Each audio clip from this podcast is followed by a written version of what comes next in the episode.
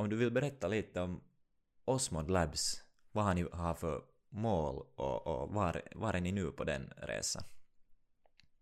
Vi är ett ganska ungt bolag. Jag startade för något år sedan um, med syftet att försöka få igång kliniska prövningar med psykedelika i Sverige. Um, tanken var att uh, det här har så otroligt stor potential att uh, det måste beforskas och att uh, för tiden när vi startade Osmo Lab så fanns det fortfarande otroligt lite erfarenhet i Sverige. Eh, väldigt många som hade åsikter om psykedelika som knark, som eh, är fel på så många sätt, olagliga dessutom. Men väldigt få som visste att det fanns eh, kliniska prövningar som visade på en otrolig potential i psykisk ohälsa, som depression till exempel. Så Small Labs grundades ur den tanken att det här måste vi göra i Sverige. Ungefär så. Ehm, sen har ju bolaget utvecklats under tiden eh, efter att vi har fått igång den första kliniska prövningen i Sverige.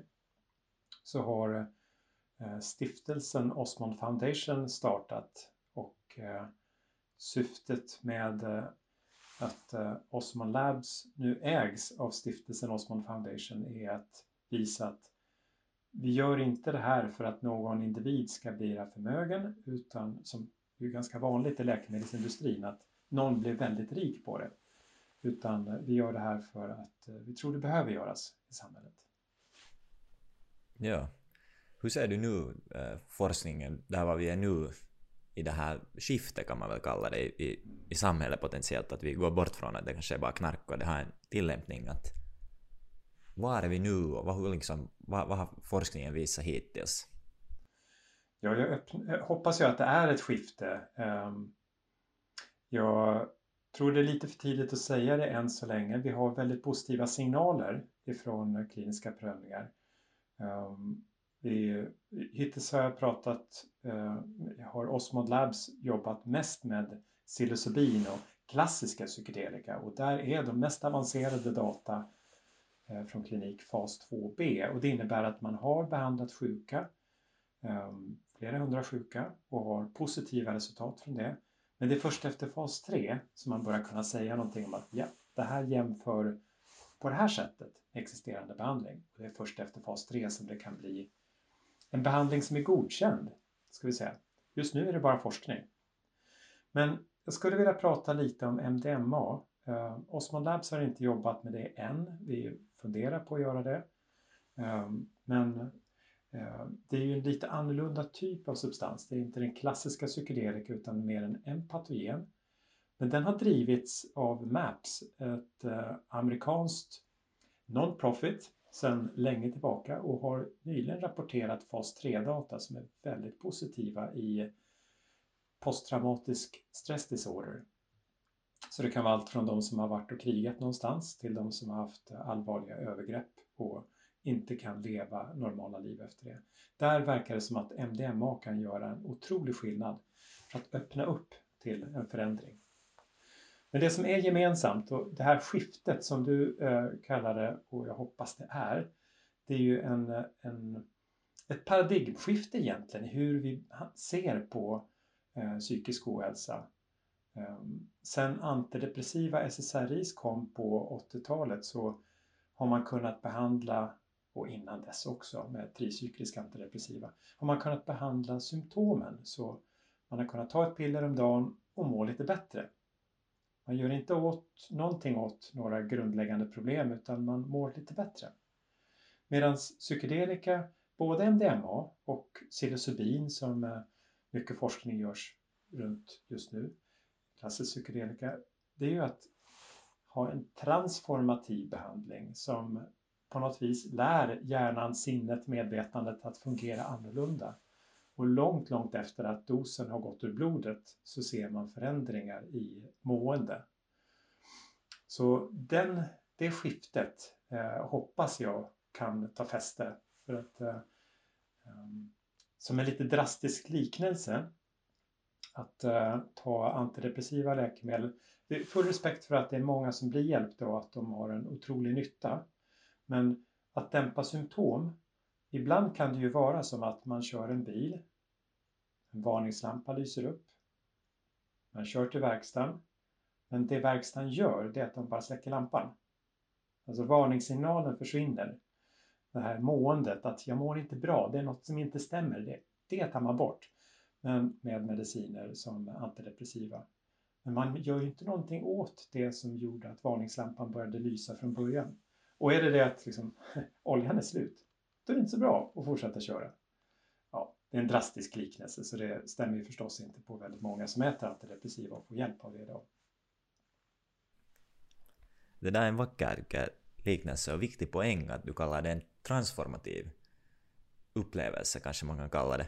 Skulle du vilja tala lite kring det att då, då är det svårt att också tjäna pengar kanske på samma sätt på en medicin som du inte kan patentera och, och, och dess inte kan sälja varje dag. Hur, hur funkar det? Nej, det där är en viktig poäng att affärsmodellen stämmer dåligt med vad läkemedelsindustrin skulle vilja. Um, idealt så är ju ett läkemedel som industrin tar fram någonting som man kan ta varje dag under lång tid så att det blir en bra inkomstkälla för industrin. Och det, det där är ju um, att ta fram läkemedel det är så otroligt dyrt. Jag menar, vi pratar i snitt 10 miljarder dollar eh, per läkemedel i den storleksordningen. Ehm, så det, det, behövs ju att man låter industrin tjäna mycket pengar, annars blir det inga nya läkemedel. Och här har vi någonting då som kanske skulle ha långvarig effekt. Och långvarig, då pratar vi i alla fall månader, verkar det som, kanske till och med år. Um, så det blir ju lite svårt att eh, eh, applicera den vanliga läkemedelsindustrins betalningsmodell på det där. Varje behandling skulle behöva bli ganska dyr. Och som du säger, patentering. Eh, psilocybin och MDMA är ju välkända sedan länge. De går inte att patentera. Okej, okay, det finns många startups som tar fram nya molekyler som är klassiska psykedelika och kanske mer lämpade på ett eller annat sätt som går att patentera. Men även där så kommer man inte kunna ta så otroligt mycket betalt eh, per dos som man kanske skulle behöva för att kompensera att man inte ger dem så ofta. Så jag tror att eh, eh den här transformativa modellen, hur, hur, liksom, den, den, pekar på någonting viktigt, att det inte är varje dag. Men jag tror att en, eh, eh en förväntansbild som är, jag tror är ganska realistisk, det är att man har en, en behandling intermittent kanske med några månaders eh, intervaller. Så terapi, kanske var tredje månad en behandling. Och så länge patienten svarar på det så kan det fortsätta så i ett år eller två. Och sen kanske man inte längre behöver den. Så är det ju med antidepressiva läkemedel också, att de är i alla fall avsedda för att ges under en period och sen inte mer. PTSD är lite annorlunda, posttraumatiskt stressdisorder. Så jag tror att eh, det, det, det, kommer att finnas vägar för industrin att ta lagom betalt för det här. Men en stor del av omsättningen kommer att vara terapin och det är inte vad läkemedelsindustrin är van vid. Eh, den kliniska behandlingen är där den stora omsättningen kommer att vara, inte att sälja pillret. Just det. Det känns ju som... Det är lite bakvänt att vi strävar efter det här eh, att tjäna pengar ofta på det mesta vi gör i samhället. Men sen igen så måste det ju fungera. Butiken måste vara öppen. Så någon balansgång tror jag du, du har helt rätt i att, att vi hittar det här. Vad skulle du, om du skulle måste gissa på en eh, tidshorisont när vi kan möjligtvis se sånt här tillämpas i, i samhället, att det går från forskning till verklighet? Skulle du våga dig på något? Jag tror att vi kommer att se det här som ett godkänt läkemedel och då är MDMA antagligen först ut. Ehm, jag hoppas att det kommer att ske nästa år i USA. Det är så planerna ser ut i alla fall för MAPS, eh, organisationen som ligger bakom de kliniska prövningarna med MDMA. Men det är väldigt beroende av att eh, de faktiskt får in donationer, för det är så MAPS har drivit sin verksamhet från start. Och de donationer som krävs i en storleksordning som är, ja, det, det, det ser man inte i Sverige, kanske i Europa, men det, det vanligare i USA, men fortfarande det är otroligt utmanande att resa i storleksordningen 100 miljoner dollar. Bara som donationer. Så om inte det sker, då vet jag inte. Någon annan kommer att ta över, men det kommer att ta längre tid. Om jag är som mest positiv vad gäller psilocybin som den första klassiska psykedelika så är det någonstans 2024, kanske till och med 2023 som det kan bli ett registrerat läkemedel. Och den som ligger först fram Det är Compass Pathways som har rapporterat sina fas 2-data och säger sig vara beredda att rulla igång en fas 3, alltså det sista steget innan, innan registrering. Men det brukar ta i alla fall ett par år när man är i det läget innan det kan bli verklighet. Och det här Sen, är Europa det också?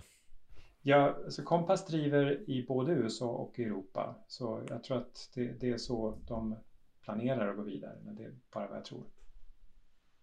Det vore konstigt annars. Ja, skulle du säga någonting? Jag avbröt dig där mitt i. Nej, nej, det var ingenting.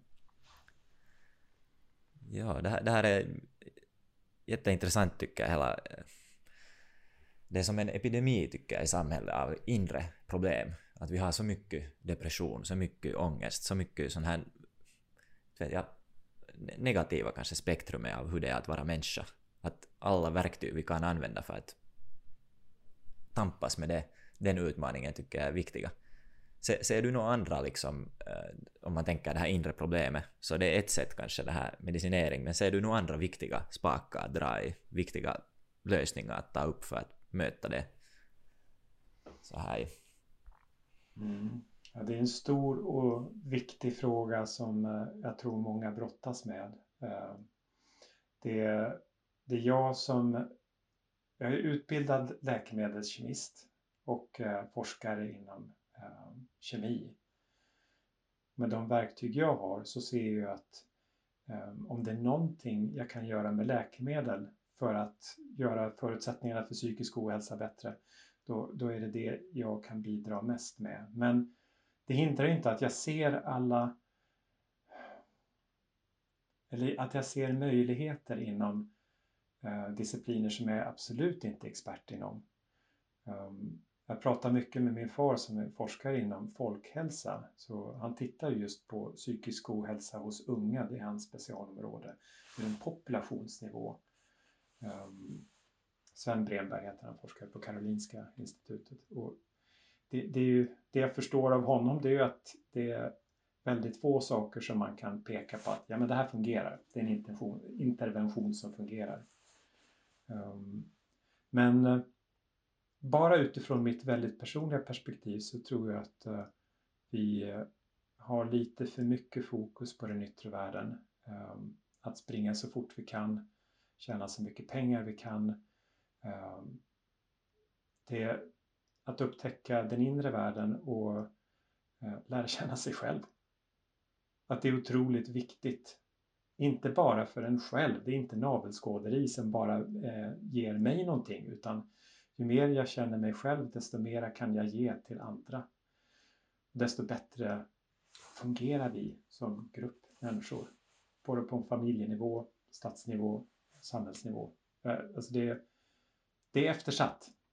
Och jag, det här är bara min väldigt personliga perspektiv att jag tror att om vi skulle kunna sprida en större nyfikenhet på att lära känna sig själv, att väldigt mycket skulle vara vunnet. Kloka ord, tycker jag. Det är också min subjektiva åsikt. Det, eh, du sa här före vi började att, att, att du i något skede här under din karriär funderar på att titta liksom att bli psykolog och studera liksom en ny inriktning, göra ett, ett en, eh, vad kallas det, en pivot inom. Och vill du eh, öppna vad det som fick dig till det och sen hur, hur det spelar ut sig? Ja, idén har legat och puttrat där ganska länge. Ehm, jag har, eller om man ska backa bandet lite grann. Från början gymnasium, eh, och sen så Kungliga Tekniska Högskolan, civilingenjör, ganska så rakt på. Men någonstans mitt i ingenjörsutbildningen så såg jag att nej, men, mm, jag vill inte bara vara ingenjör. Så läste lite litteraturvetenskap, eh, reste lite, gjorde andra saker. Och sen blev jag färdig ingenjör, började forska, ehm, postdoc i USA och allt det där. Men eh, någonstans efter tio år i läkemedelsindustrin och när jag började jobba med Osmond och de här otroliga potentialen med psykedelika och psykedelisk terapi och såg då att hmm, ja, det blir inte särskilt mycket jobb för en kemist i det här. Om det här verkligen tar fart, då behövs det terapeuter. Det behövs många terapeuter. Och vad är egentligen eh, behovet? Ja, någon som kan möta en person en patient i en väldigt, väldigt utsatt situation som det är, den här intensiva upplevelsen att få psykedelisk terapi. Någon som kan möta en person som har rent psykotiska symptom. För det kan vara så under en intensiv psykedelisk upplevelse. Så, i det där läget så började jag leka med tanken, men jag kanske skulle utbilda mig till psykolog också. Hur svårt kan det vara? Ödmjukt och fint, eller hur? Nej, men jag tänkte att jag skulle prova och eh, se hur det kändes. Så planen var att eh, i och med att Osmond Labs inte behövde 100% av mig, att jag kunde med den tiden som fanns kvar gå psykologutbildningen på Uppsala universitet. Eh, och jag kom in och började på utbildningen och insåg ganska snabbt att oj, det här var inte riktigt vad jag hade hoppats på eller trott. Ehm, där min förhoppning var att få lära mig mer om vad är det som händer inom människor som mår dåligt? Vad gör vi för att hjälpa dem som mår dåligt?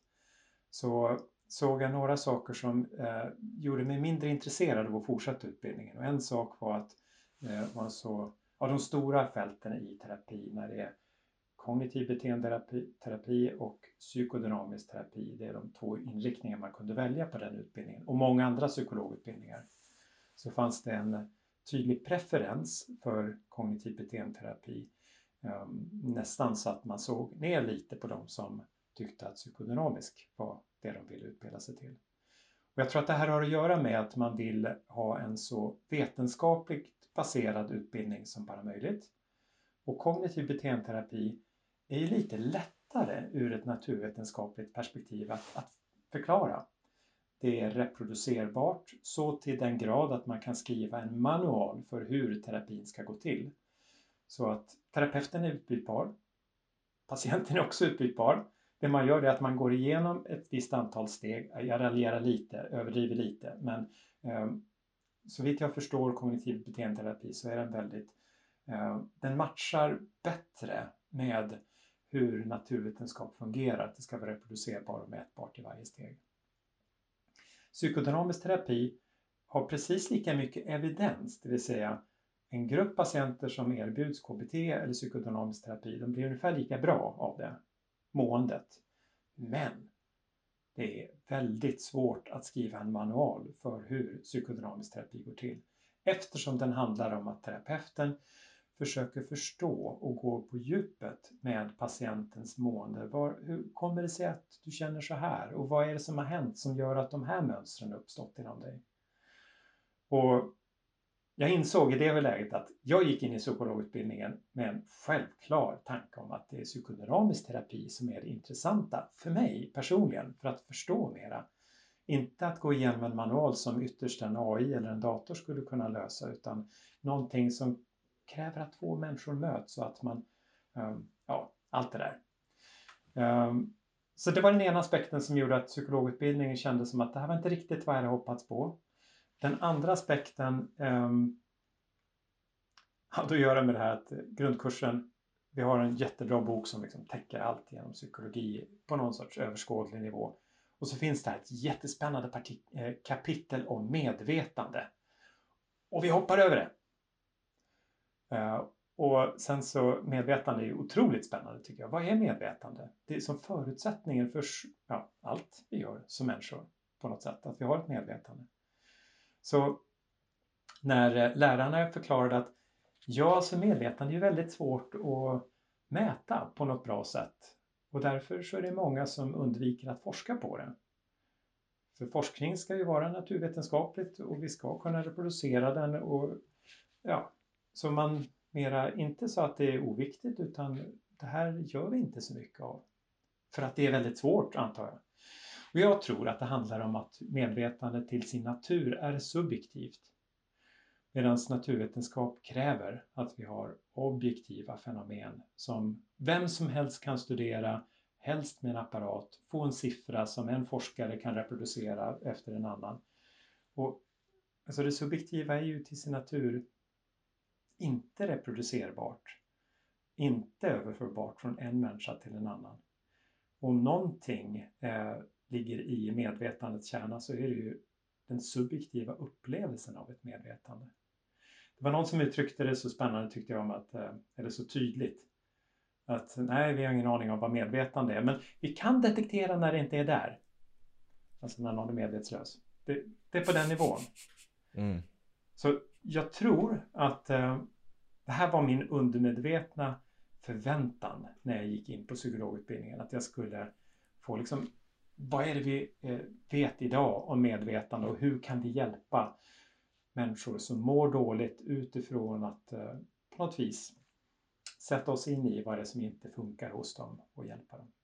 Så när jag förstod det så blev jag lite mindre sugen. Jag tyckte fortfarande att det var intressant eh, eh på alla sätt och vis och jag värdesätter verkligen den tid jag hade med psykologutbildningen. Jag tror att det är en jättefin grupp människor som håller på att bli utbildade till psykologer. Så med stort eh, tillförsikt som jag ser att de går ut i samhället som färdiga psykologer. Men jag tror inte att jag kommer att vara en av dem. Jag hoppade av efter tre månader och eh, tror inte jag kommer tillbaka. I mina öron låter det som du kom mera från det här konkreta behovet av verkligheten, att vi ska försöka då göra terapi så bra som möjligt.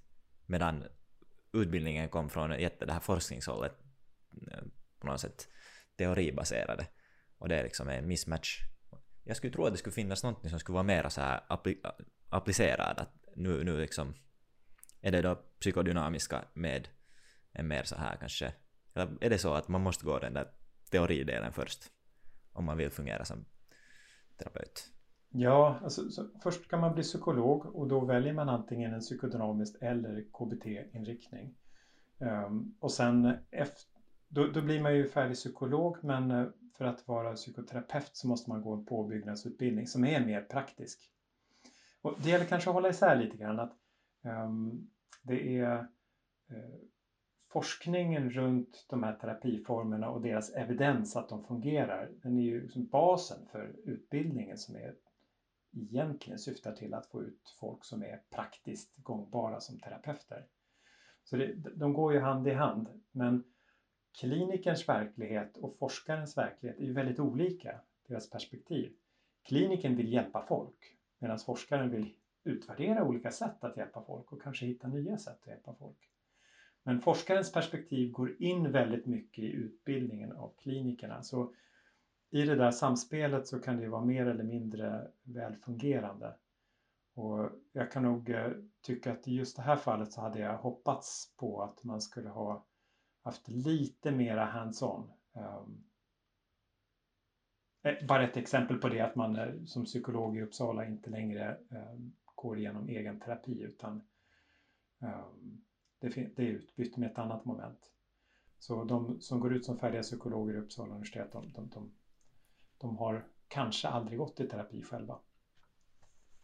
Det är helt fascinerande. Jag trodde att det skulle vara en självklarhet att man själv har provat på det.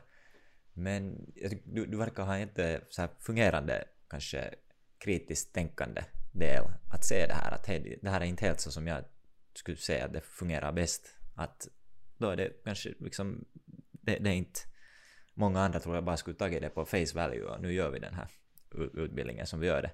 Men du nämnde liksom i förbifarten det här medvetande. Jätteintressant. Eh, hur, hur, hur, hur ser du på medvetande? Vad skulle du tro att dess funktion eller vad det är?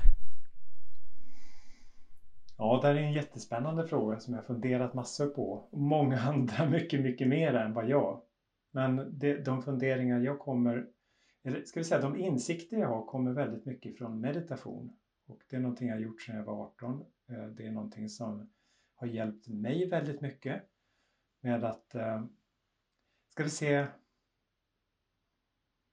lära känna mig själv. Det är det enklaste sättet att förklara det på. Och eh, se hur mycket, ja, buddhistisk term, lidande, suffering, som skapas av att eh, bara rulla på som vi kanske förväntas göra i samhället idag.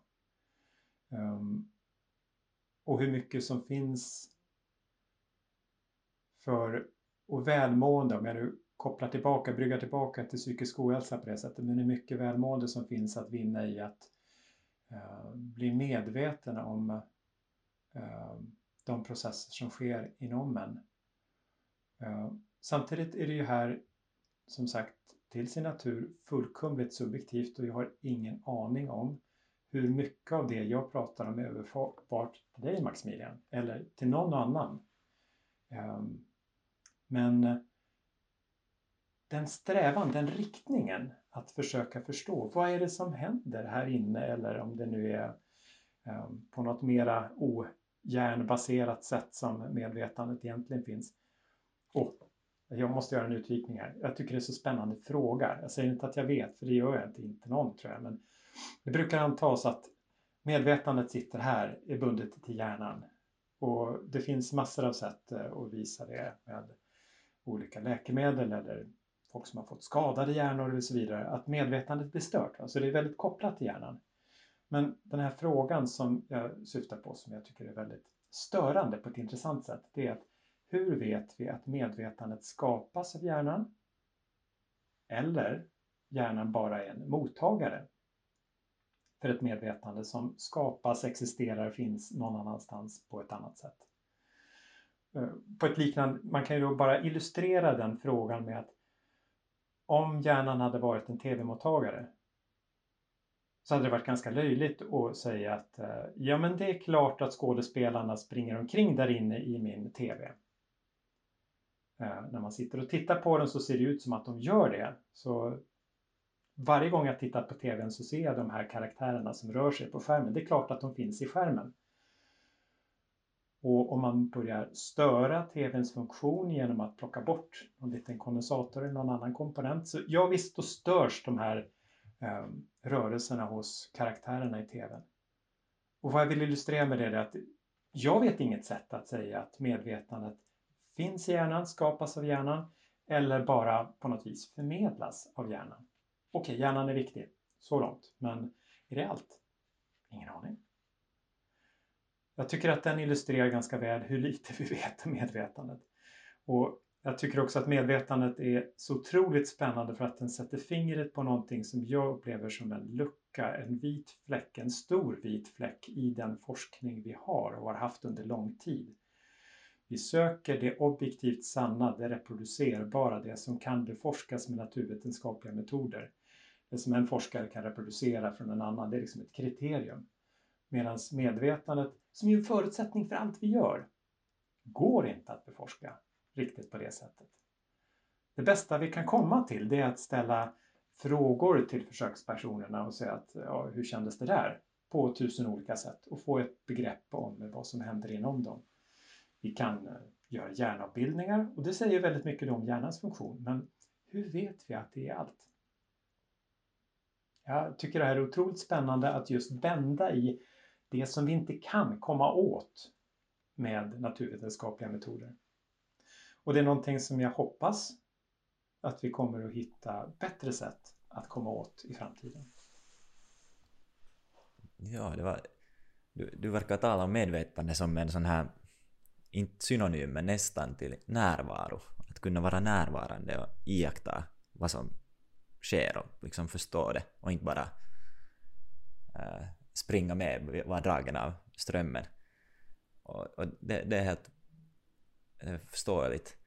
Sen den här liksom två poler som du beskrev att för det första, vi vet ju inte vad det är, men det verkar som två liksom motpoler eller teorier, hypoteser vi har att ena att är medvetande någonting som biologiskt bara skapas i hjärnan och det är en, en skicklig eh, en skicklig modell som, som är nu gjord för att vi ska fungera bättre som levande djur här på planeten.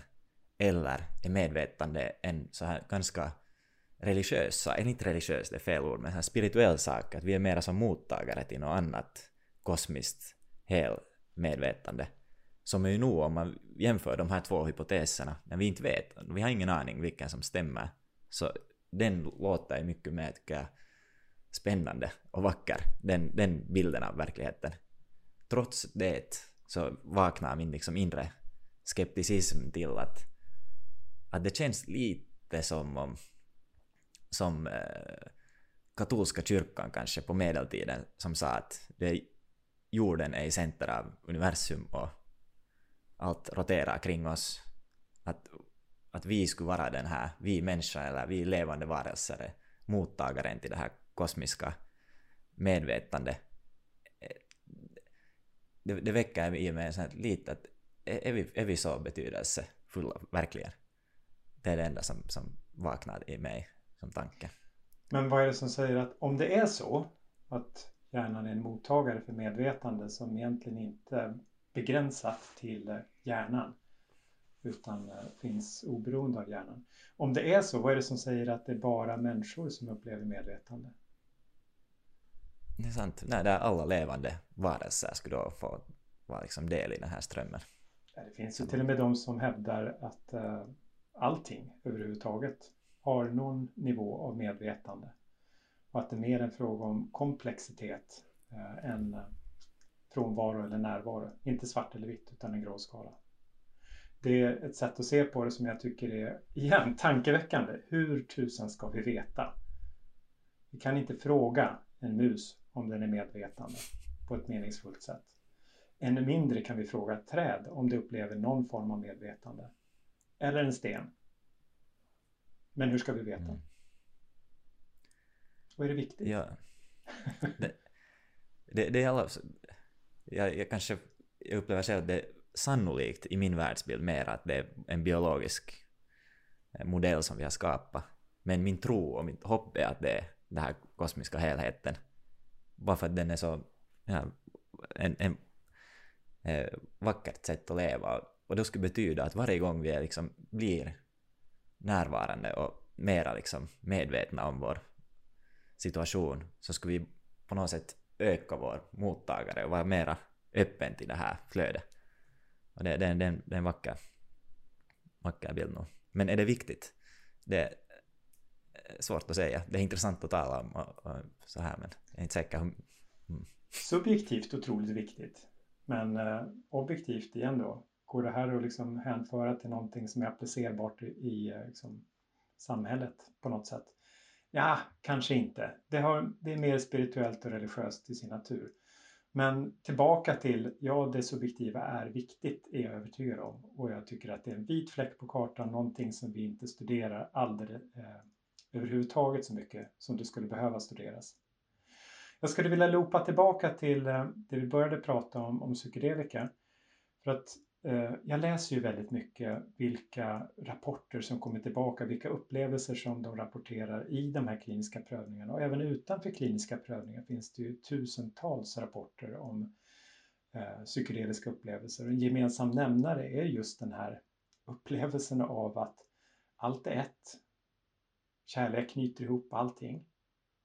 Eh, och då kan man ju fundera på, är det här någon sorts eh, hallucination som induceras av psykedelika eller är det en ökad känslighet för någonting som finns där för alla egentligen? Det är ytterligare en sån här fråga. Väldigt svårt att veta vilket som är eh, mest korrekt. Ja, och en, en, applikation som kommer att vara viktig att om vi börjar skapa liksom AIs och tänkande datorer så är frågan att hur kan vi vara säkra att de är medvetna då på sätt och vis, att det inte bara är ettor och nollor som agerar. Men vi behöver inte gå in på den diskussionen. Um, du nämnde böcker. Har du någon uh, favoritgenre eller, eller böcker som du brukar gå till? Ja, alltså jag är otroligt fascinerad av att uh, ta del av andras tankar genom böcker. För att det, det oftast så ger ju formatet möjlighet för författaren att verkligen skapa någonting som hänger ihop som han eller hon vill säga som är, kan stå långt, långt efter att författaren är död. Så det är ett otroligt spännande sätt att ta del av andras tankar. Eh, det är anledningen att jag läste litteraturvetenskap en gång för länge sedan också och läser väldigt mycket av olika typer. Men du frågar om favoritgenre. Om jag ska nämna någon så är det väl science fiction fantasy. Och det är inte så höglitterärt precis. Men om jag ska förklara varför jag attraheras av det så är det ju eh, att det fyller en, eller det, det har en frihet i att beskriva samhället och människorna. Vad som händer om man förändrar grundläggande förutsättningar. Det utgår inte från det samhälle vi har idag eller har haft idag utan utgår från ett samhälle som inte finns, aldrig har funnits, kanske kommer att finnas. Ehm, och ser vad gör det med människorna? För jag tror att vi är kapabla till så otroligt mycket mer än det vi gör idag. Hoppas verkligen det med tanke på klimatkris och allt annat. Eh, och att försöka förstå på något vis både riktningarna som vi skulle kunna förändra som individer, som samhälle. Eh, det gör mig väldigt eh, intresserad av att ta del av den typen av tankar. Och där finns ju väldigt mycket som jag eh, skulle kunna ta som exempel. Men fantasy och science fiction. Yes. Ja, nu skapar en utopi där som man kan Nej, inte utopier. spegla. Inte, inte utopier, men utan det, det är verkligen annorlunda. Det kan vara dystopier, det kan vara um, bända i hur, hur det är till hur mm. det skulle kunna vara. Skulle du, om, om du skulle ge någon bok så här på rak arm att, att, att det här skulle du rekommendera att läsa, har du någon sån på, på rak arm? ja, den är svår. Jo, nej men en, eh, och den är kanske inte så ny, men Stiftelsetrilogin av Isaac Asimov den är, ja, den fantastisk. Ja. Om, om vi lite hoppar här till liksom, eh, lärdomar, livsvisdomar, så är det någonting du upplever att du har lärt dig sent i ditt liv som du önskar att du skulle ha lärt dig tidigare? Mm. Ja, du nämnde den här frågan in, innan vi pratade idag och jag är glad för det för att eh, det är en eh, relativt svår fråga, men tycker jag. Men jag fångar upp två saker som särskilt viktiga. Eh, den ena är att presentera en idé för en grupp åhörare. Det är någonting som i min skolgång jag fick träna otroligt lite på. Som tack och lov mina barn får träna mycket mera på. För någonstans där i mötet mellan min idé och en grupp som kan hjälpa till att göra den verklig det är så otroligt mycket viktigt som sker i det interfacet. Så det eh, är någonting jag hade önskat att jag hade lärt mig tidigare. Nu, nu lärde jag mig liksom sent eh, 25-28 någonting när jag doktorerade och började presentera mina forskningsresultat. Inte innan. Um, otroligt nervös i början och sen så började jag förstå att men, jag kan göra det här. Um, den andra grejen som jag skulle vilja lyfta fram det är entreprenörskap. Och uh, fullt medveten om att alla inte vill, kan eller har någon dragning till entreprenörskap eller företagande så tror jag att det är väldigt många som bara missar möjligheter genom att inte se, vara medvetna om, har fått möjlighet att se som hantverket. Skapa ett företag, skapa en struktur som funkar, testa idén som man vill genomföra i företaget och se går det här, kan det här flyga? Eh, den kurs jag gick inom Uppsala Innovation Center 2007 innan jag startade mitt första företag. Jag önskar att alla fick gå den som ville. Det, det är sådär, man ska inte gå den om man inte vill gå den. Men någon light-version för alla ingenjörer. Och nu pratar jag om ingenjörer för det är en grupp jag tror att jag förstår ganska väl, ingenjör själv. Eh, vi har ju i vår utbildning fröet till att eh, skapa en massa intressanta saker för samhället. Och i det samhälle vi har idag så måste det nästan ske i företagsform. Så ju fler som är medvetna om hantverket att bygga ett företag, eh, det skulle vara bra för alla. Det här är två jättebra, jättebra lärdomar du nämnde först den här att, att presentera, så det är en viss form av att, att kommunicera. Så, så ja. skulle du vilja lyfta fram någonting, vad tycker du är viktigast kanske att ta i beaktande då man vill framföra sin idé? Är det någonting som du inser att det här är liksom, det här var en bra grej? Uh, ja. För mig har det varit väldigt uh, så en, en, en nyckelinsikt att uh, i någon mån är det inte jag som står på scenen och presenterar idén, utan det är min idé som står på scenen. ja, det är bra. Det, det, för mig tog det bort väldigt mycket av den press jag kände att vara liksom, mm, nu, nu ska jag vara på ett visst sätt. Nej, det, det, är liksom inte viktigt hur jag är. Det viktiga är att idén får lysa, idén får skina, att alla aspekter av idén som åhörarna behöver för att förstå den, att de ska komma fram. Så det, Det är kanske är bästa tips jag kan ge. Jag tycker om det där jättemycket, det. Att det, det är inte personligt och ego utan det är idén som är, man kan, en tankeskifte. Mm.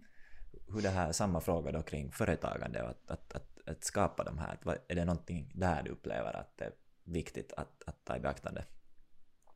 Ja, det är många saker. Um,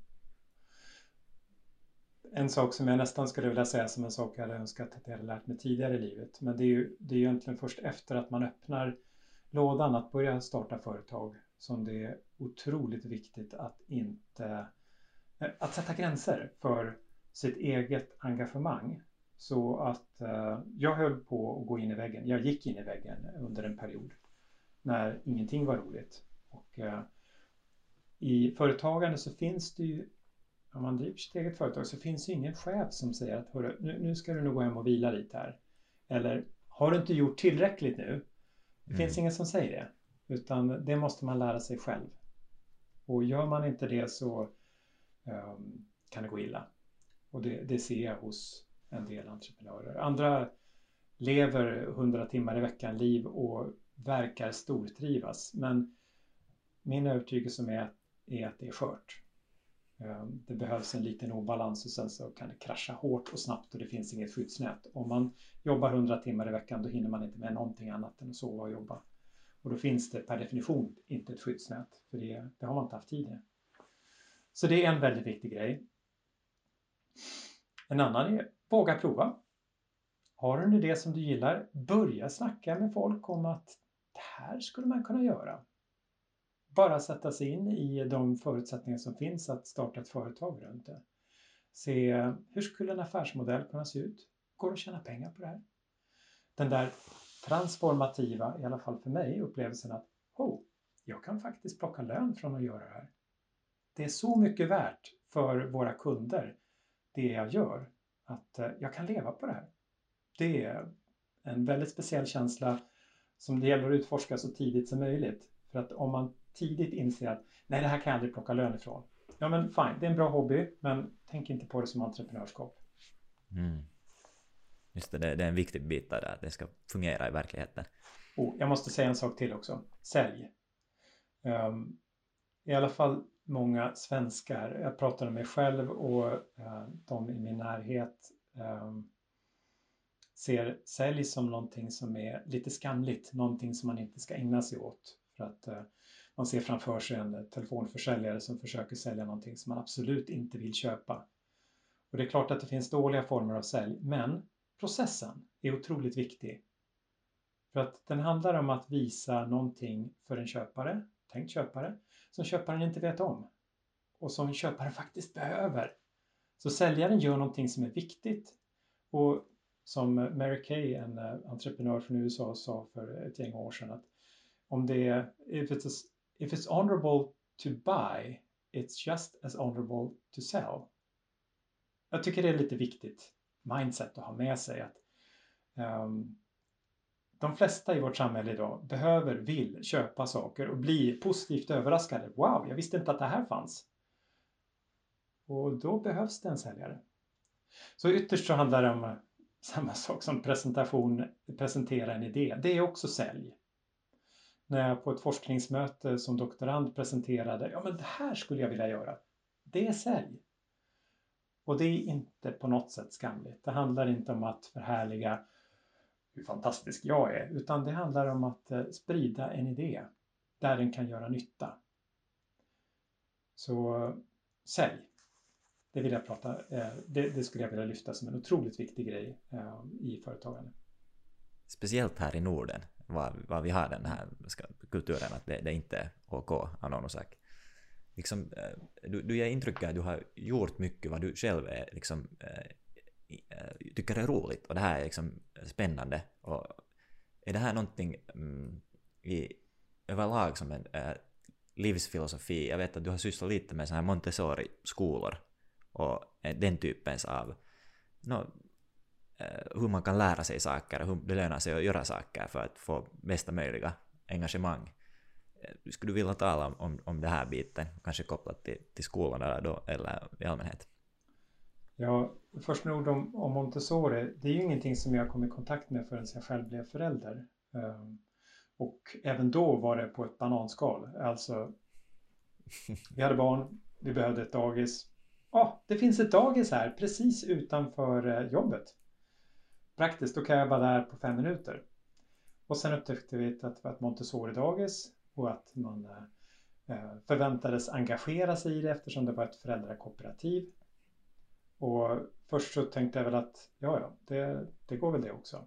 Och sen började jag inse styrkorna, dels i pedagogiken och dels i organisationsformen föräldrakooperativ.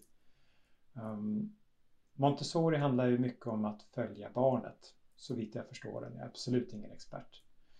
Ehm, men att följa barnet, se vad det är redo för just nu och när tiden är rätt visa Titta, så här skulle du kunna göra. Och lita på att barnet hittar en väg att göra det. Så det är mycket tillit, um, lyhördhet skulle jag säga i pedagogiken som attraherar mig otroligt mycket. Men min roll, det var ju egentligen enbart att stå för eh, föräldrakooperativets organisation. Jag menar, vi var arbetsgivare. Så vi gjorde allting vi kunde göra som inte var pedagogiskt, inte hade med eh, att ta hand om barnen. Så vi såg till att det var städat, att eh, vara en schysst arbetsgivare till personalen, att förhandla lokaler och allt sånt där praktiskt. Så på sätt och vis så var det en otroligt bra skola för mig inför företagande. För att efter det så hade jag en rätt bra koll på hur man lägger budget och hur man um, har personalansvar. Just det, det var Men, den vinkeln. Yes. Det här det jag ännu har funderat skulle vara intressant att tala om var det här quality adjusted life mm. year. Och det är en diskussion vi kan gå in till. Eller om du har någon annan väg som vi inte ännu har utforskat som skulle vara Nej, men quali är bra. Eh, nu, nu, glider vi ju tillbaka till någonting som vi pratade om för ett tag sedan som inte har så mycket med Montessori att göra. Men om vi glider tillbaka till um, det, det här att uh, det som Osmond Labs gör med um, psykedelisk terapi och psykisk ohälsa. Um, att man måste konstatera att det är dyrt. Det kommer att kosta samhället att ge dem som är till exempel deprimerade tillgång till en sån här terapi. Ehm, så måste man fundera på hur mycket det är värt. Och det är en väldigt obekväm diskussion att ha. Ehm, vi pratar väldigt lite om den. Det pratas om hur många miljarder som går till Vägverket och går till sjukvården och hur ehm, stressande det är att jobba i sjukvården för att det inte finns tillräckliga resurser. Alla skriker på resurser. Men det finns ju också ett ändligt antal skattepengar som kan delas ut till de här sakerna. Så därför är diskussionen väldigt viktig. Vad, hur, hur mycket är det värt att rädda ett liv? Oh, den är jättejobbig den frågan. Man har en lång tradition av att göra det i, inom vägbyggande. Så till exempel, ha en trafikerad väg skola och bostadsområde på båda sidor. Om man bygger en bro över den trafikerade vägen så kan man statistiskt räkna ut hur många liv det skulle ska, eh, Eh, rädda under brons livstid. Och säga att det kostar 20 miljoner att bygga bron och säga att det skulle rädda statistiskt 2 till 3 liv. Då kan man direkt säga att ja, ja, men det här har vi gjort förr. Vi har en kvot som säger att 20 miljoners kostnad för trafikbyggnation är värt ett liv. Då är det enkelt. Vi räddar mer, två till tre liv. Då gör vi det. Och omvänt då förstås. Även om vi har en väldigt höger opinion som säger att ja, men, um, vi vill komma säkert till skolan så kanske det är för få personer som går över vägen. Det skulle bara räddas ett tiondels liv statistiskt. Då kan politikerna med stöd av det här resonemanget säga nej men vi gör inte det. Sorry. Det är trafikbyggnaden. När det gäller läkemedel så finns det också sådana här tumregler. Eh, men de pratas inte så mycket om och det tycker jag är synd. Eh, konceptet QALY står för Quality Adjusted Life Years och eh, ehm, en QALY definieras då som att man förlänger livet på en person med ett år med full levnadskvalitet. Så det är ju det enkla fallet. Men sen kan det ju också vara som att mm, du lever ett år längre men du mår ganska dåligt tyvärr. Det här är en cancer som den, du kommer inte kunna bli botad ifrån den utan det är en cancer som du kan överleva ett tag till. Fast du kommer att må ganska dåligt. Ja, det kanske är 0,3 koli som en sån behandling skulle ge då, som förlängde livet ett år, men man mår dåligt. Och så finns det schabloner som, ja men har du migrän då är det en sån här nedsättning på koli. Eh, har du depression så är det en sån här nedsättning. Och de här sakerna kan då översättas till kostnader. Så, det institut, det är ett brittiskt institut som heter NICE, ett National Health Institute i eh, Storbritannien, som har kommit fram med kolibegreppet för ganska länge sedan och det är väldigt internationellt accepterat. De säger att en koli får kosta samhället någonstans 300-400 000 kronor. Det är Europa. Sen eh, har USA sitt eget system och det finns andra länder som har ah, helt andra system. Men i Europa så funkar det här hyggligt i alla fall med stora variationer mellan länderna. Men konceptet finns där och styr rätt mycket för hur mycket ska läkemedel få kosta? Så om man till exempel hittar en ny cancermedicin som förlänger livet med 0,3 koli, då, ja, alright, en tredjedels koli, det blir ungefär 100 000 kronor.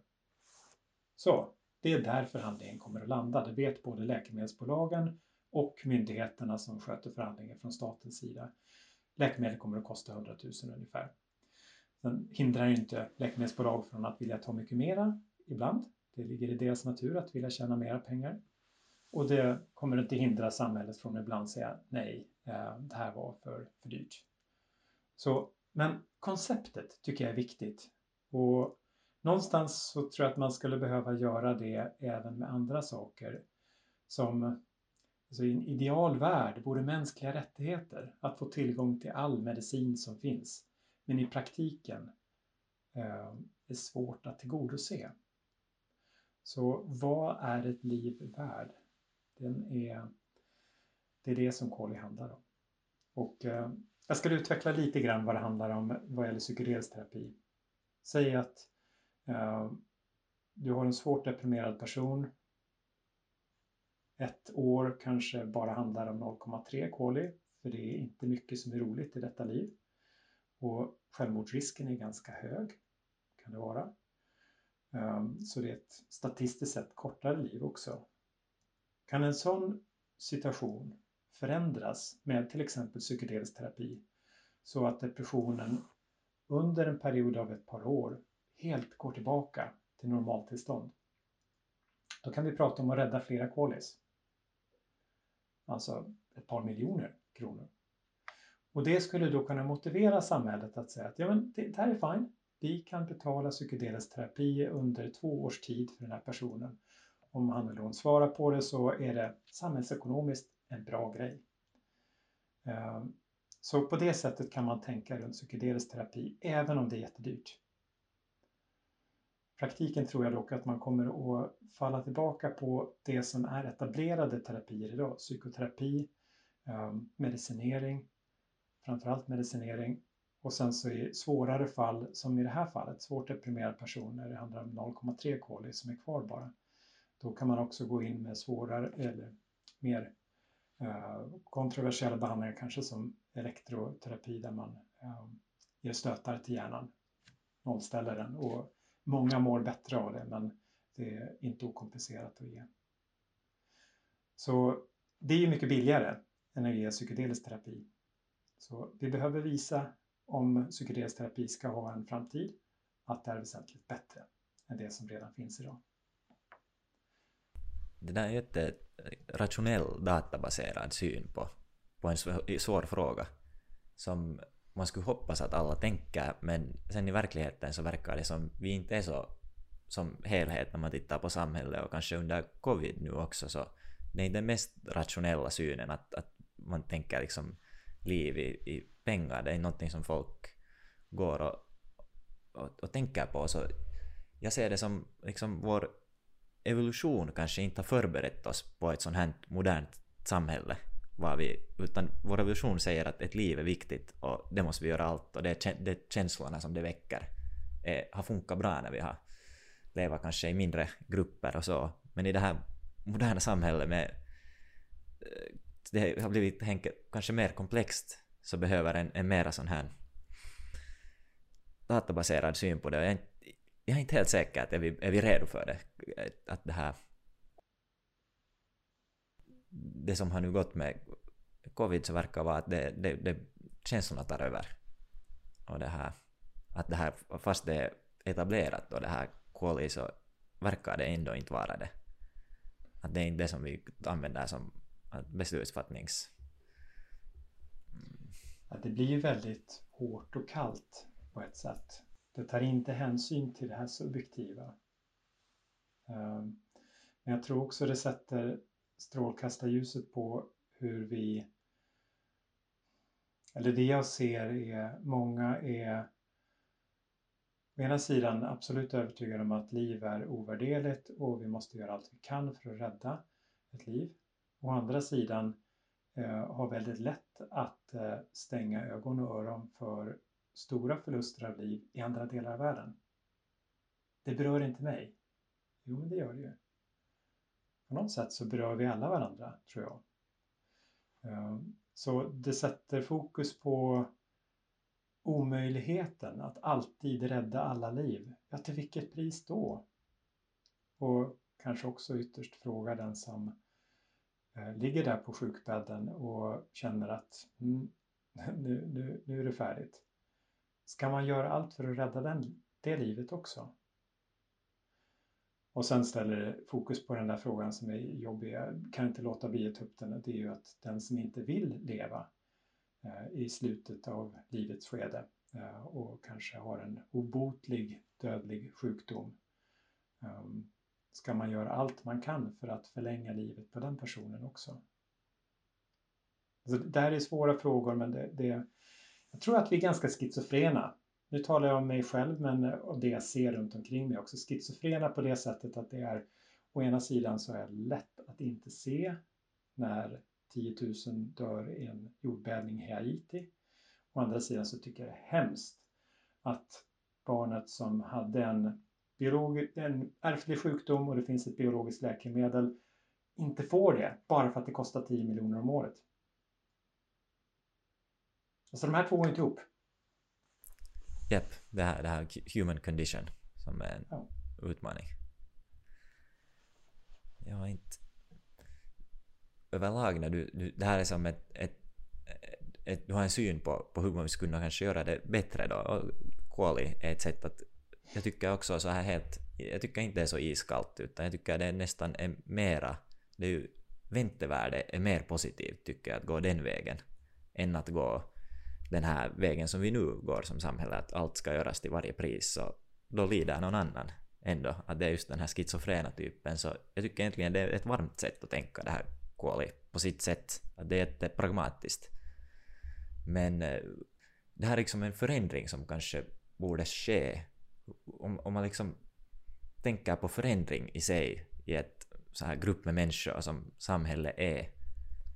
Hur ser du som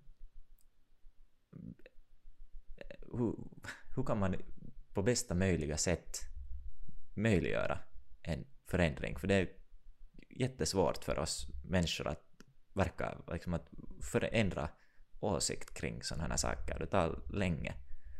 Vad kan, vad kan man göra? Svår mm. fråga men... Den är jättesvår. Det, det är ju inte... Det här handlar ju bara om mina tankar och mina ytterst subjektiva åsikter. Men eh, det är någonting jag tänker rätt mycket på. Och eh, jag tror att vi alla kan bidra till att samhället förändras. Så oavsett vad man har för roll, utbildning, förmågor så kan vi alla bidra.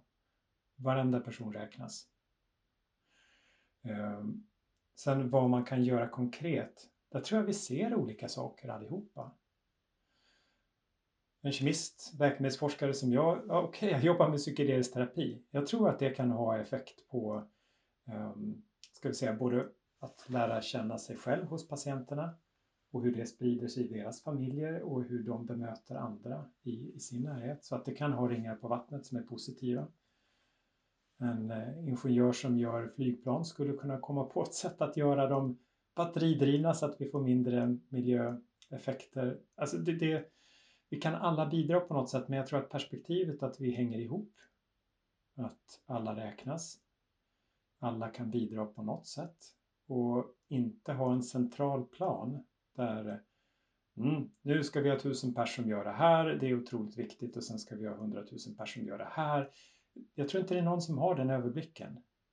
Så länge vi fortsätter att eh, låta oss beröras av eh, alla andra som finns på den här jorden och inte isolera oss i det som är mitt jag och eh, det som står mig nära så tror jag nästan att det är väldigt mycket som kommer i form av samhällsförändringar eh, naturligt. Det är min förhoppning. Jag har ingen masterplan hur, hur det här ska gå till. Jag vet bara att det måste ske. För att annars eh, så det finns ju så många sätt som det kan gå jättefel med temperaturförändringar och eh, så vidare. Jag tycker om det där att se det på, från individplan istället från en sån här top-down. Att jag tror också det, det är en, en bra väg att gå lite som tangent till det, så du nämnde meditation här tidigare. Hur mediterar du? Um, det har varierat över åren. Det har varit mantra, det har varit uh, uh, mindfulness, det har varit uh, Eh, olika former av yoga. Nu sista året har varit väldigt mycket jana meditation och det, så det här är bara ord. Men orden beskriver kanske lite grann av det du frågar efter. Det, det är olika sätt att eh, dra nytta av vad andra som har mediterat mycket tidigare har att berätta om. Sätt som verkar vara bra och som verkar vara överförbara till andra. Så det finns nästan lite vetenskap i det. Ja, men det gör det ju. Det finns mycket meditationsforskning som visar hur som objektivt bra det är effekter eh, på, på hälsa och välmående. Men ja, det, det, är det jag kan säga. Mycket metta-meditation och jana-meditation. Det är det jag ägnar mig åt nu. Hur ofta brukar du? Ungefär två gånger om dagen. Um, kanske tre kvart var. Och. Det kan låta som jättemycket. Uh, jag vill säga till de som undrar att oj, hur har du tid med det? Men mm, tänk på att uh, det minskar sömnbehovet. Så även om man tänker så här jättestrikt rationellt så nej, du förlorar ingen tid på att meditera. Det, är lika det minskar sömnbehovet. Vad sa du? Att det minskar sömnbehovet, det visste jag inte. Ja, det är min upplevelse i alla fall. Och om jag har sett det hos andra också att det är... Uh, nu ska jag inte säga att man ska använda meditation för att sova mindre. Men Nej. om någon undrar hur tusan har du tid med det där så är det det som är min förklaring. Och, uh, Intressant. Hur mycket mediterar du själv och vad mediterar du själv med? om du gör det. Du, dina frågor antyder att du gör det, men du har inte sagt någonting om det, så jag blir nyfiken. Ja, jag, jag har nog utforskat det här några år sedan, så stötte jag på det. Sen har jag inte kanske så konsekvent sysslat med det. Nu det här året, en månad, har jag hållit på med en sån här en app som en Sam Harris heter han, mm. som, som har en Waking Up, tror jag den heter. Så det är sån här Alltså följa and, andningen och insiktsmeditation kallar han det. Som tio minuter kanske varje morgon. Och det som han förespråkar som jag tycker resonerar bra att man försöker nå det där meditativa stadiet också under liksom dagens lopp. Att med ett medvetet andetag och medvetet iaktta, märka stimuli så kan man utan att måste sitta ner och, och meditera då så kan man ändå försöka göra det till en vana och öka mängden gånger som man når det stadiet kanske under dagens lopp. Där har jag själv mycket nog ännu att, att uh, utveckla, upplever jag. Att jag, jag försöker nå det stadiet så mycket som jag kan under dagen men ofta så blir man ju ändå meddragen i tankarnas värld och, och det här hela racet som gärna, gärna startar. Det, det är aldrig en tävling. Meditation är, det, det, kan inte vara en tävling utan det är och vi har alla mycket att lära. Eh, det spelar ingen roll vem man tittar på. Men eh, kul att höra att du hittat en app som verkar hjälpa dig. Jag har provat några också, inte hittat rätt än, men eh, det, det finns så många sätt, så många lärare. Så att eh, hitta någon som man resonerar med. Det är, jag tror, kanske en av de viktigaste sakerna jag gör på dagen. För att det hjälper mig att uh, vara den bästa Ulf jag kan vara för mig själv och för andra.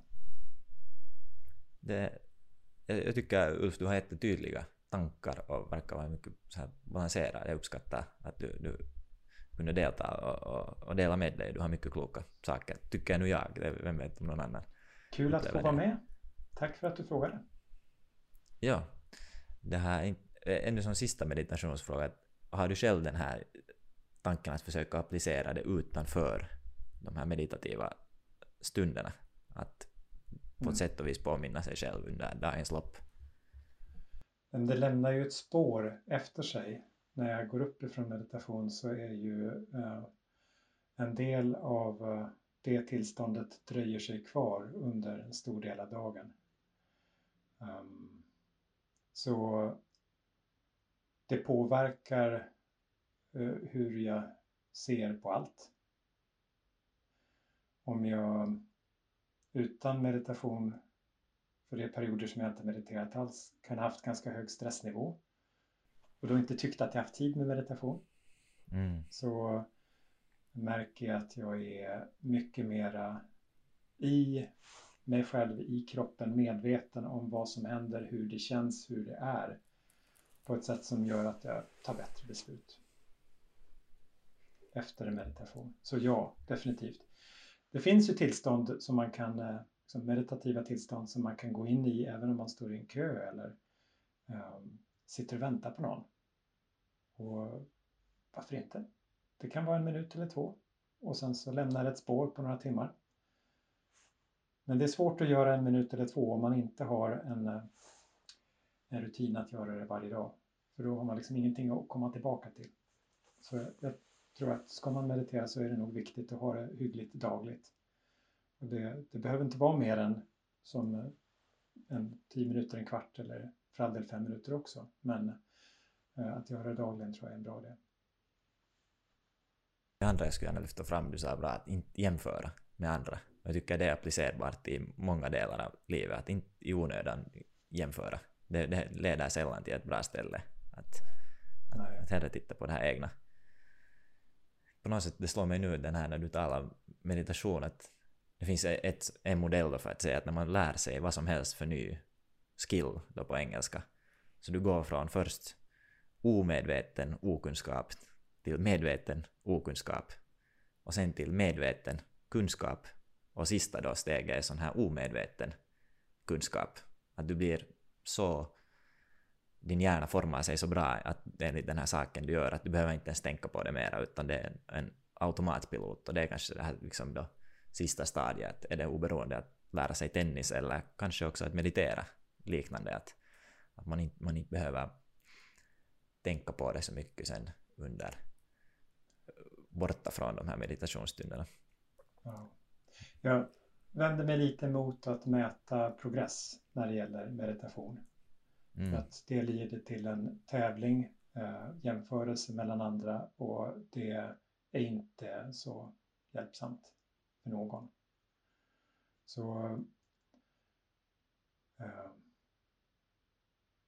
det är jättesvårt att prata om meditation, för det är så extremt subjektivt. Det har hjälpt mig otroligt mycket.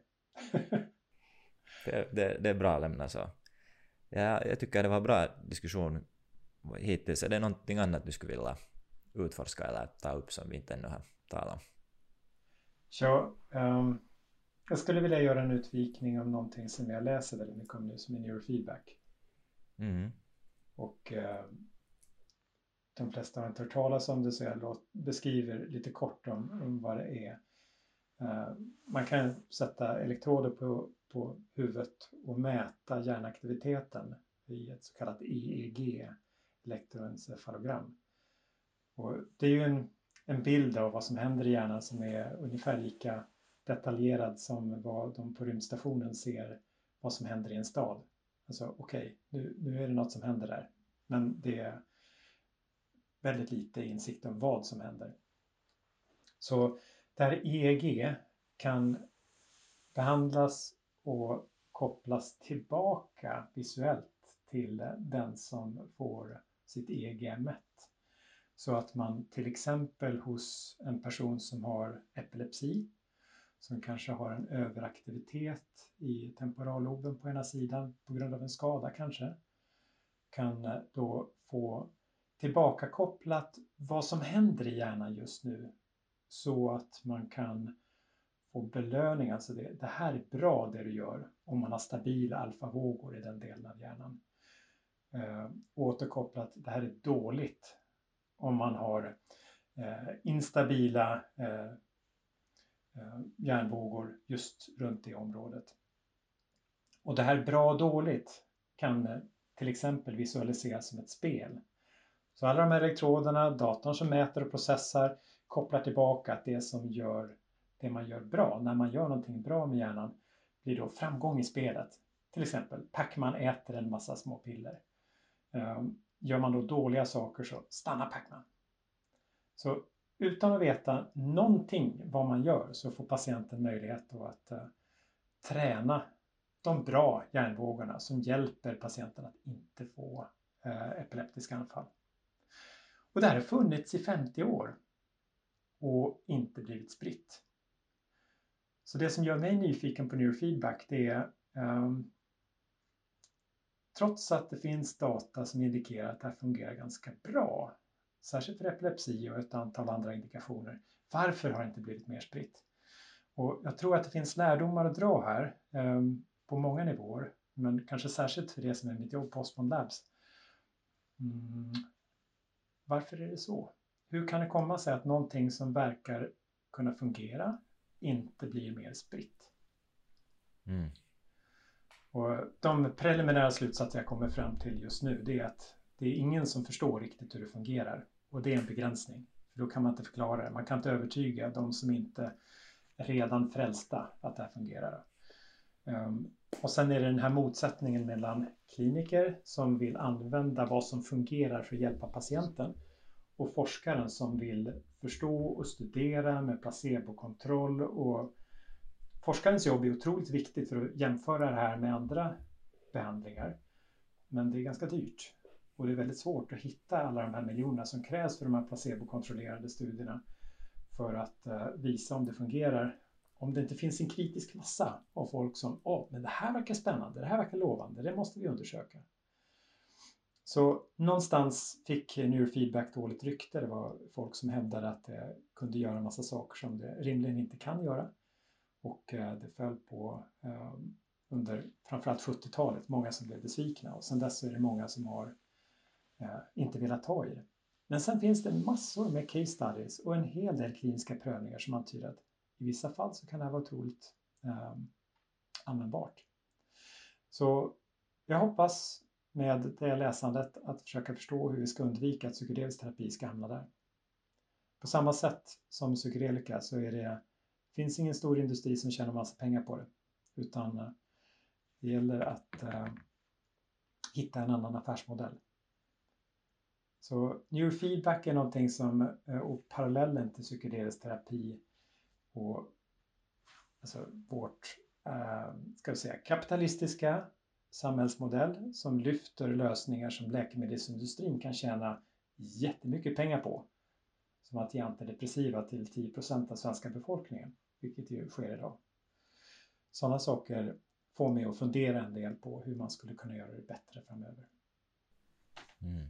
På basis av din äh, nu eh, syn på det så verkar det ju som det kanske leder av brist på försäljning eller hur man marknadsför det neurofeedback, att idén helt enkelt var bra, men är det nu samhället eller människor missuppfattar vad det, vad det gör och det blir en dålig bild istället för en bra bild?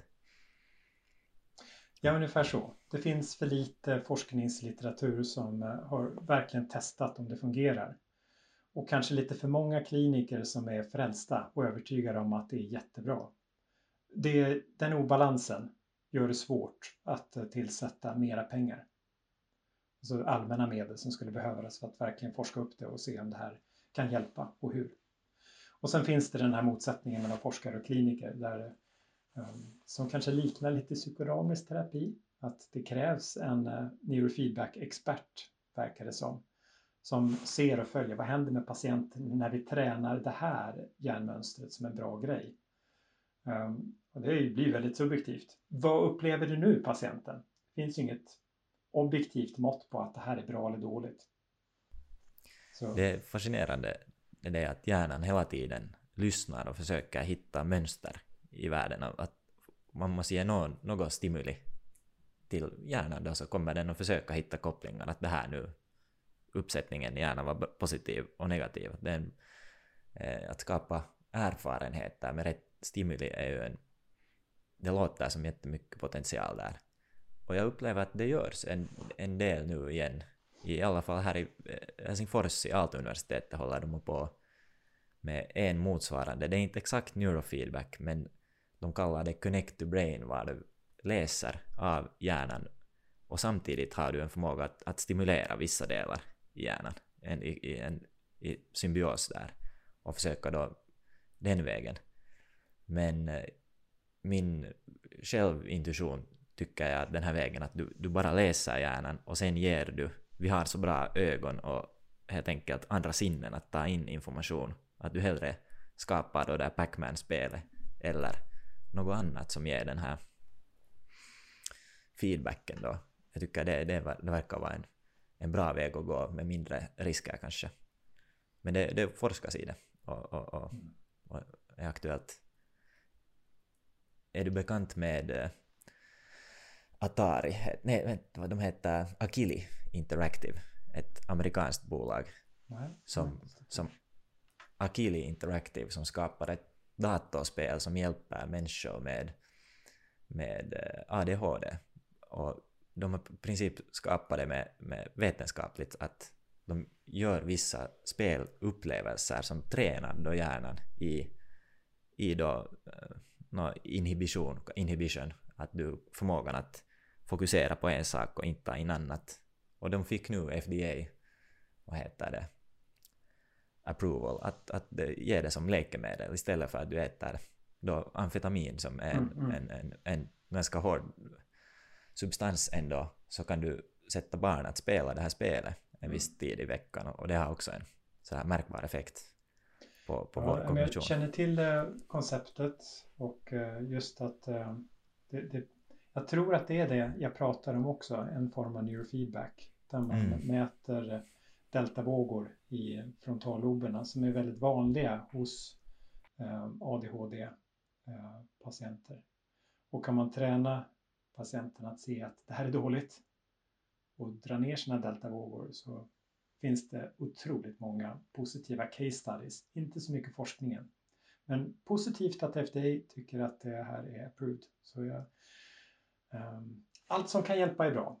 Och allting som vi vet hur bra det hjälper, ja, det, det är nödvändig kunskap. Verkligen. Det, det, det är som många stora problem med det, miljö eller då det här inre problemet av depression så det är bra att ha många verktyg mm. att det här kunna använda det. Det här, skulle, en annan så här kanske personlig tangent som till det här inre problemet som jag har funderat på att en lösning upplever jag att vi har i moderna samhället kommit ganska långt ifrån varandra som människor. Att vi är ganska mycket, eh, man bor i en lägenhet med några få andra människor i sin närhet och kanske man har någon gemenskap på jobbet. Men vi får inte så mycket interaktion människa till människa. Och jag tror att den har inbyggt mycket positivt att det finns det här en filosof som Krishnamurti som menar att andra människor är en själ, alltså en spegel till din egna själ. Och andra människor hjälper dig att förstå dig själv och förstå andra. Och den, att, att vara mycket kring andra människor skulle, tror jag, bidra mycket positivt till att det är svårt och det är utmanande att komma överens med andra. Men den liksom svårigheterna får oss att växa som människor. Och jag tror att det är en annan, en annan sak som speciellt i Norden skulle man kunna ta i beaktande att, att hur kan vi få människor att mötas mera? Att betyder det att bo då i, i liksom mera större liksom kommuner med i flera familjer i samma samma det här hus eller, eller hur det skulle se ut. Så jag tror att där finns också mycket så här lågt hängande frukt att ta. Jag skulle vilja eh, gå ut på två tangenter från det du sa just nu. Den ena är, jag bodde i, i kollektiv under en kort period under min barndom. Det är en modell för hur man skulle kunna göra det bättre. Ehm, um, 70-tal. Var, jag var inte ensam om det. Men eh, någonting som var väldigt kraftfullt och positivt men också otroligt ovant för vårt samhälle. Som jag tror många skulle må bättre av. Så jag tror att det stämmer. Den andra tangenten jag skulle vilja gå till det är att det finns en bild av i väst att hittar man bara sin soulmate, sin eh, partner, gifter sig, skaffar kärnfamilj så har man allt man behöver i den andra. Det är inte schysst.